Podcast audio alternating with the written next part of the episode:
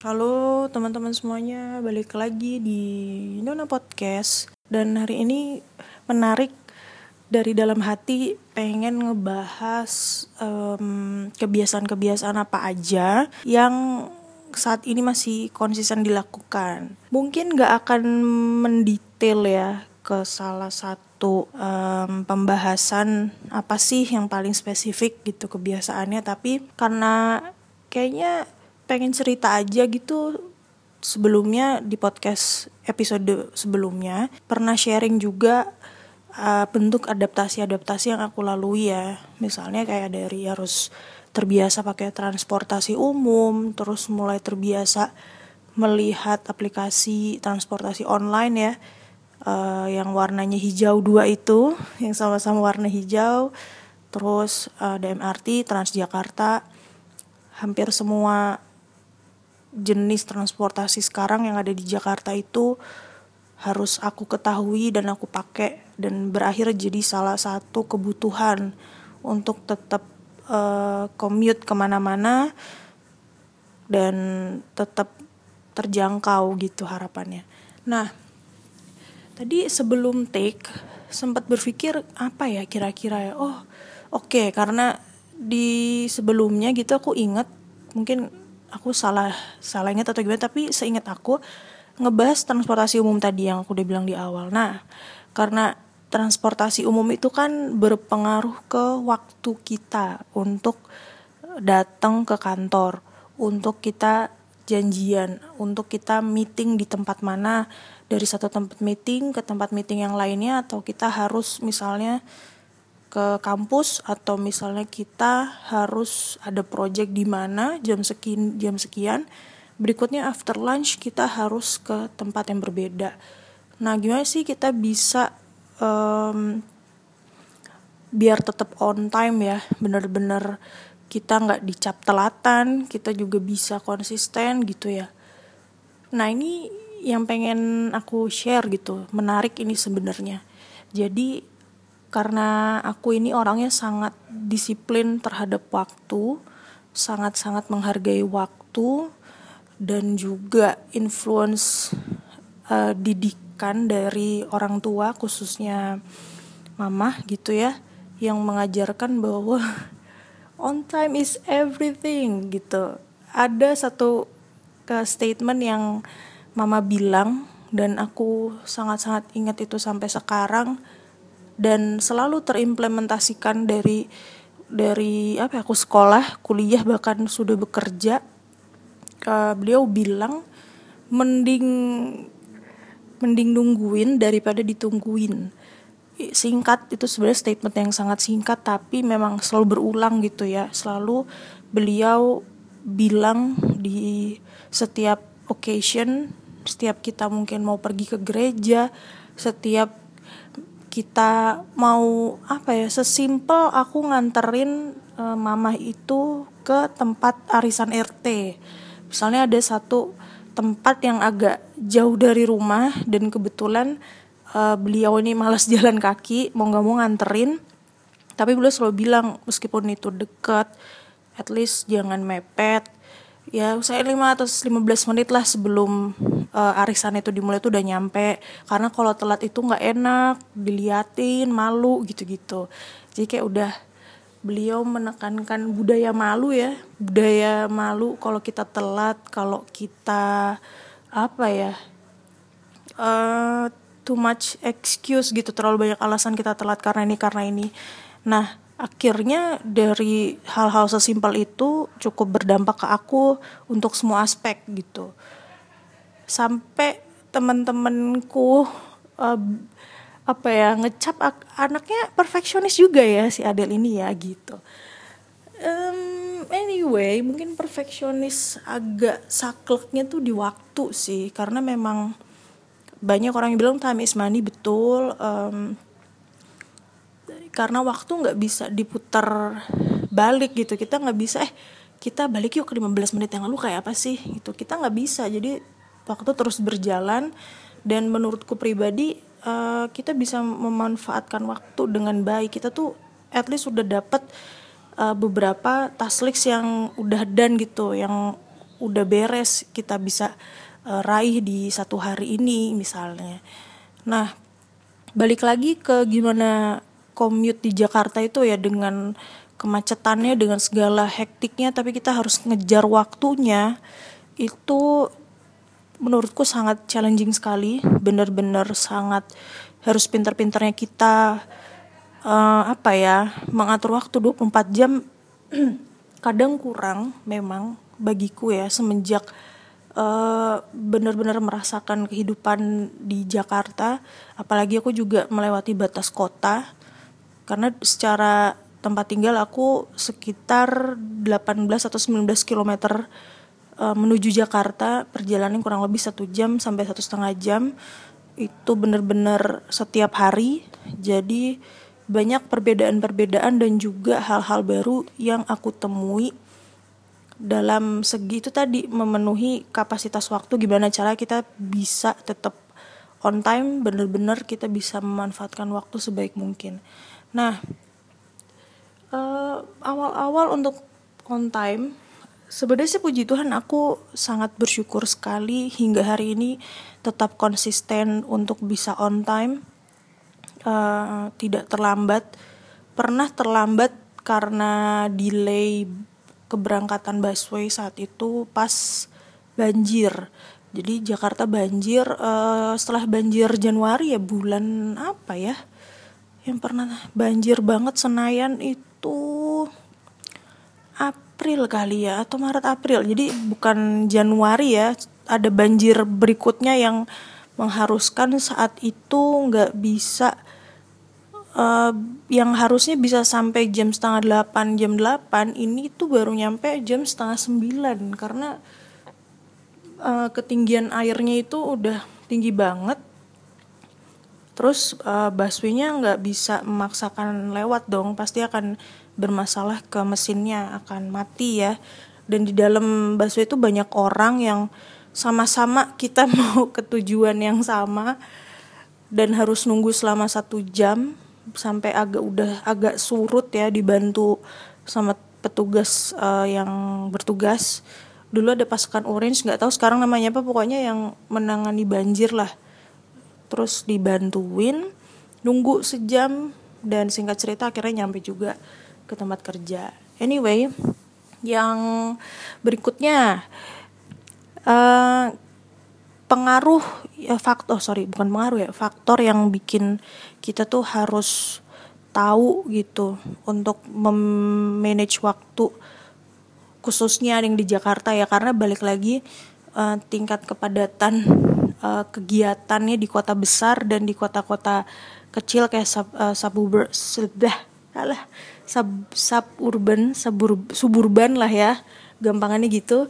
Itu beda banget. Jadi commute time di Magelang itu bisa jadi jauh lebih fleksibel. Di Jakarta itu harus yang benar-benar term planning dengan baik.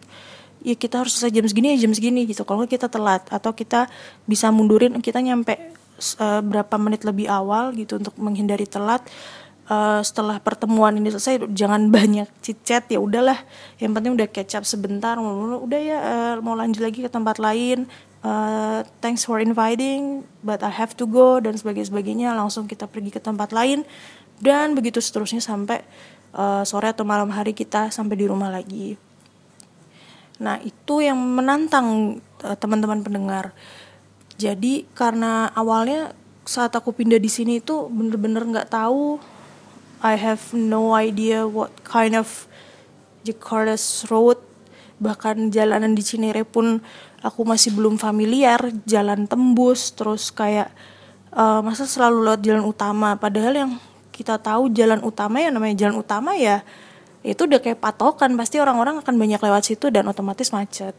Nah itu yang menjadi tantangan yang aku alami awal-awal Nah, aku siasati dengan naik transportasi umum.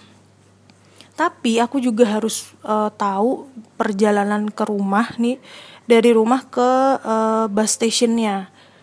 Nah itu aku harus tahu minimal aku harus tahu jalan pulang pergi dari rumah ke bus station. Karena kalau nggak tahu ya sama aja. Ujung-ujungnya aku harus naik ojek online just like every day.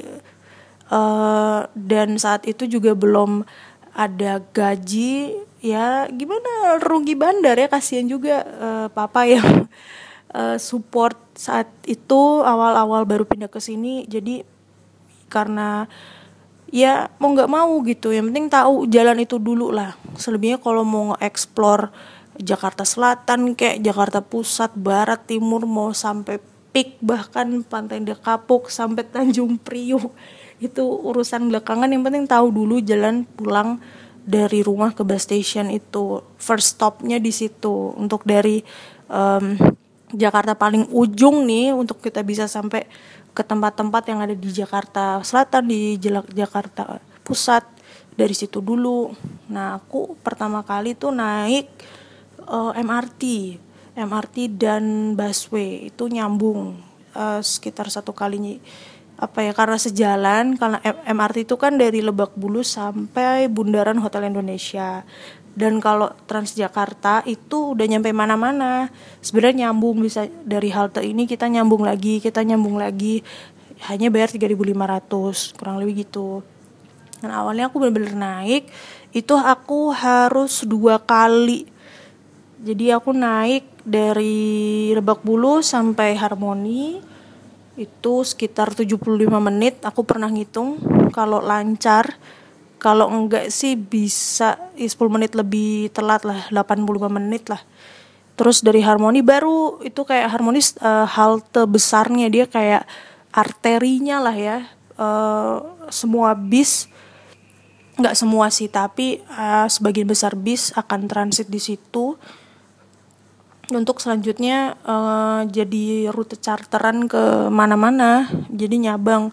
Karena Harmoni di Jakarta Pusat dia di tengah dia bisa ke utara bisa ke barat bisa ke timur juga bisa atau balik lagi ke selatan itu juga bisa. Nah awalnya dari situ karena kan e, jalan rute-rute yang dipilih itu kebanyakan di jalan utama dan otomatis aku jadi belajar gitu setiap hari melihat ada beberapa halte yang selalu aku lewati itu itu aja jadi aku tahu oh Oke, kalau naik busway karena naik motor itu pasti kejauhan karena kan uh, si busway ini kan nurutin jalan jalan ini ya. Apa ya? Not a shortcut road, bukan jalan pintas tapi uh, apa ya? Bisa dibilang jalan utama kali ya. Jalan utama ya, jalan utama. Dan sangat tidak mungkin kalau motor kan kita bisa motong, kita bisa lewat uh, jalan yang lebih cepet ya daripada harus ngikutin jalan busway. Tapi di salah satu uh, apa ya salah satu cara untuk kita bisa tahu jalan yaitu dengan kita naik transportasi umum dulu. Aku naik transportasi umum itu selama empat bulan berturut-turut nonstop itu uh, banyak banget pengalaman. Jadi setiap hari karena di Jakarta itu orangnya eh, banyak ya yang tinggal di Jakarta. Hampir setiap hari aku bertemu dengan orang yang berbeda dengan kerendemannya masing-masing dengan segala tingkah laku sebagai penumpang. Ada yang tipe-tipe nyolot lah ada yang pernah melihat secara langsung orang copet sampai akhirnya digebukin gila brutal banget sih. Di bener-bener digebukin sama petugasnya sampai lo mau apa? Balikin nggak? Gini. Oh marah-marah dan kita kayak udah jadi tontonan aja. Gila nih dalam hati ngeri juga nih ya. Aduh, jadi kayak lebih meningkatkan awareness aja terhadap barang bawaan. Jadi ya itu tadi. Pertama kita harus dibiasakan naik transportasi umum. Yang kedua kita setelah setelah udah tahu um, apa ya kayak sedikit banyak tentang jalan jalan apa ya kira-kira oh kalau dari rumah mau ke kantor kita lewat sini. Atau ada beberapa alternatif ya misalnya ada tiga pilihan rute kita pernah lewatin itu semua. Bisa jadi uh, kita pengen eksplor sendiri juga bisa. Yang kedua uh, bisa sempetin kita coba istilah kayak gladi bersih lah. Weekend weekend Sabtu atau Minggu coba kita naik motor coba kita lewat uh, ini aja uh, mencoba sendiri lah. Dan sangat terbantu banget sama pelang rute pelang hijau itu. Misalnya kalau mau ke Cinere kiri kalau ke Cilandak lurus ke Ragunan lurus misalnya gitu. Mau ke Mampang kita belok kanan atau kita mau ke Bundaran HI harus putar balik misalnya gitu. Kan ada pelang hijau.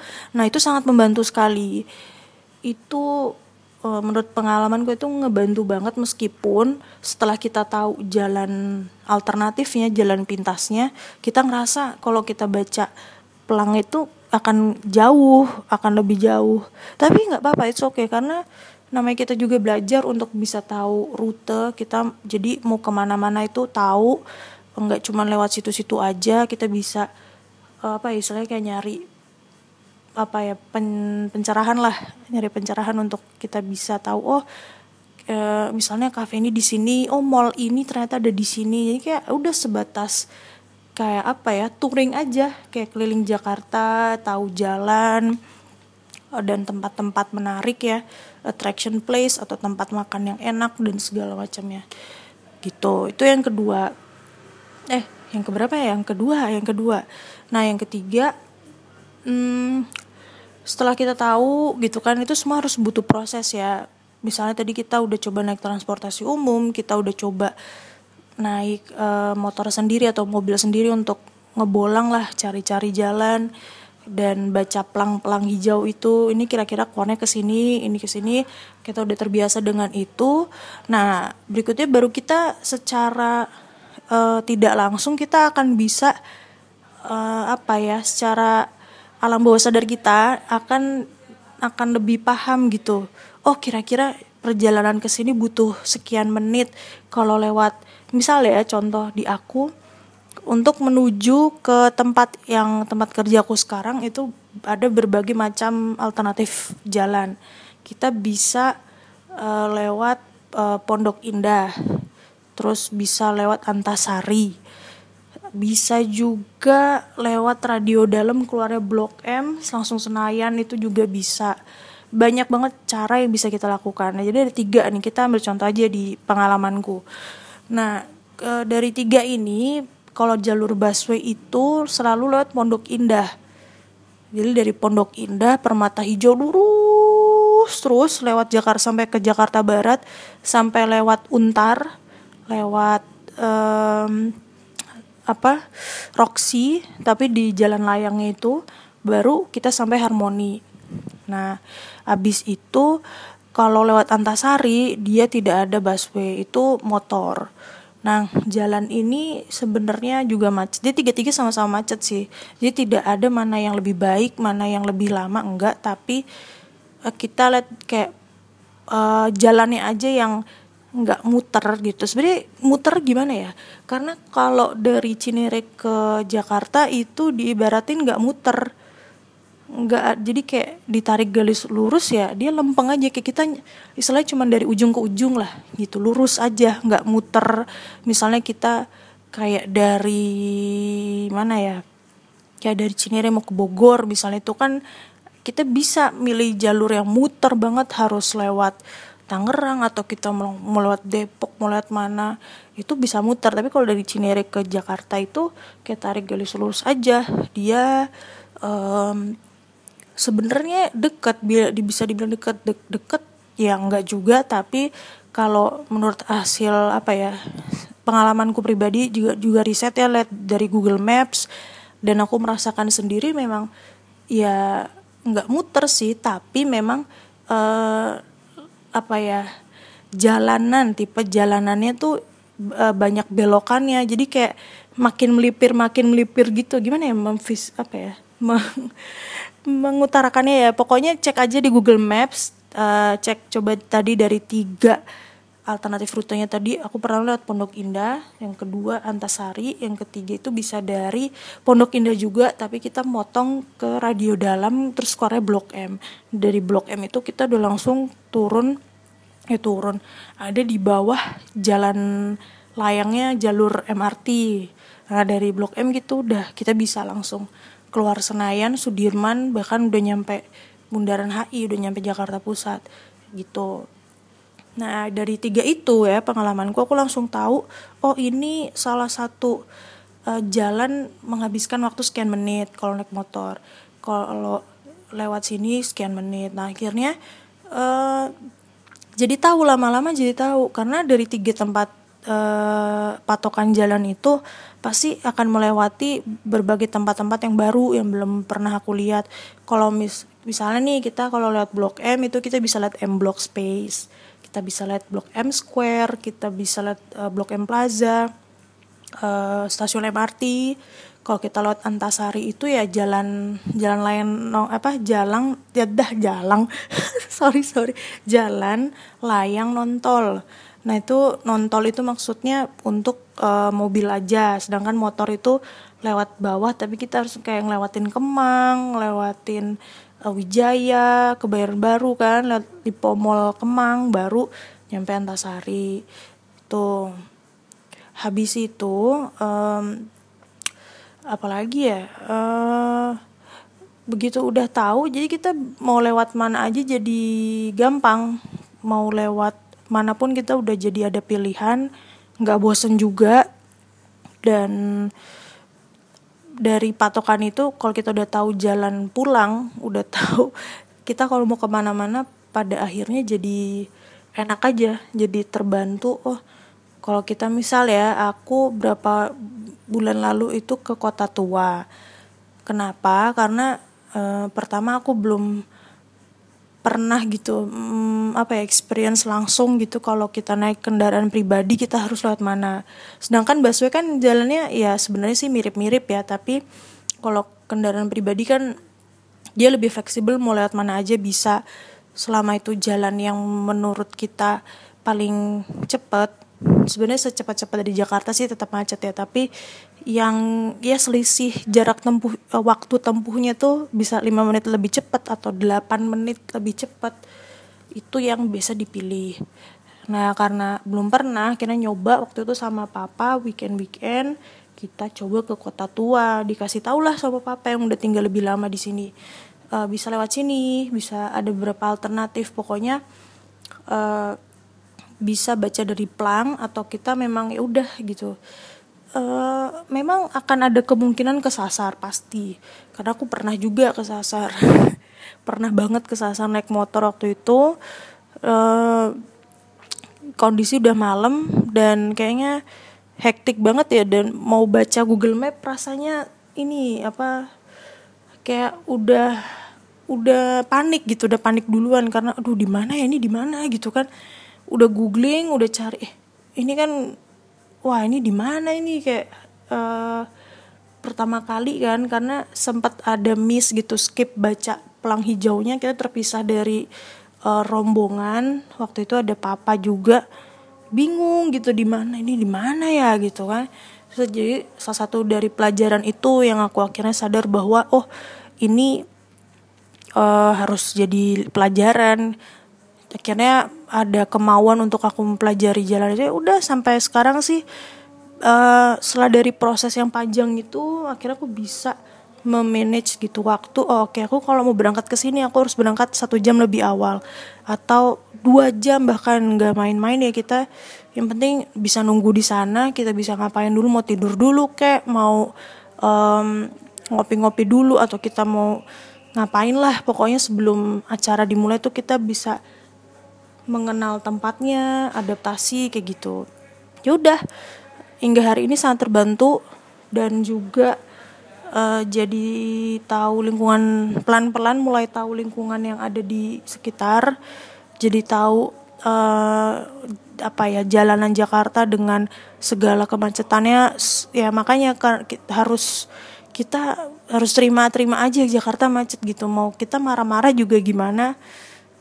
Ya maksudnya sekarang ini aku tidak kalau lagi capek memang aduh kok macet banget sih pasti sering refleks. Yang kedua jalanannya tuh uh, ada yang aman ada yang tidak aman. Bergelombang cenderung bergelombang bolong-bolong itu hati-hati. Jadi uh, bisa dibilang nggak bisa ngebut-ngebutan yang gimana ya harus yang aman-aman aja lah gitu.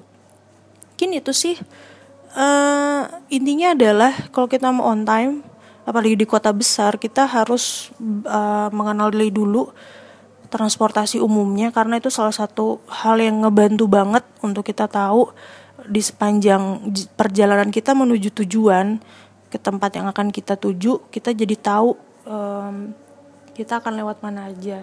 Yang kedua uh, ini mungkin relate-nya di Indonesia kali ya. Kalau di luar negeri pasti menggunakan kendaraan umum terus ya. Itu baik itu subway MRT kereta gitu-gitu.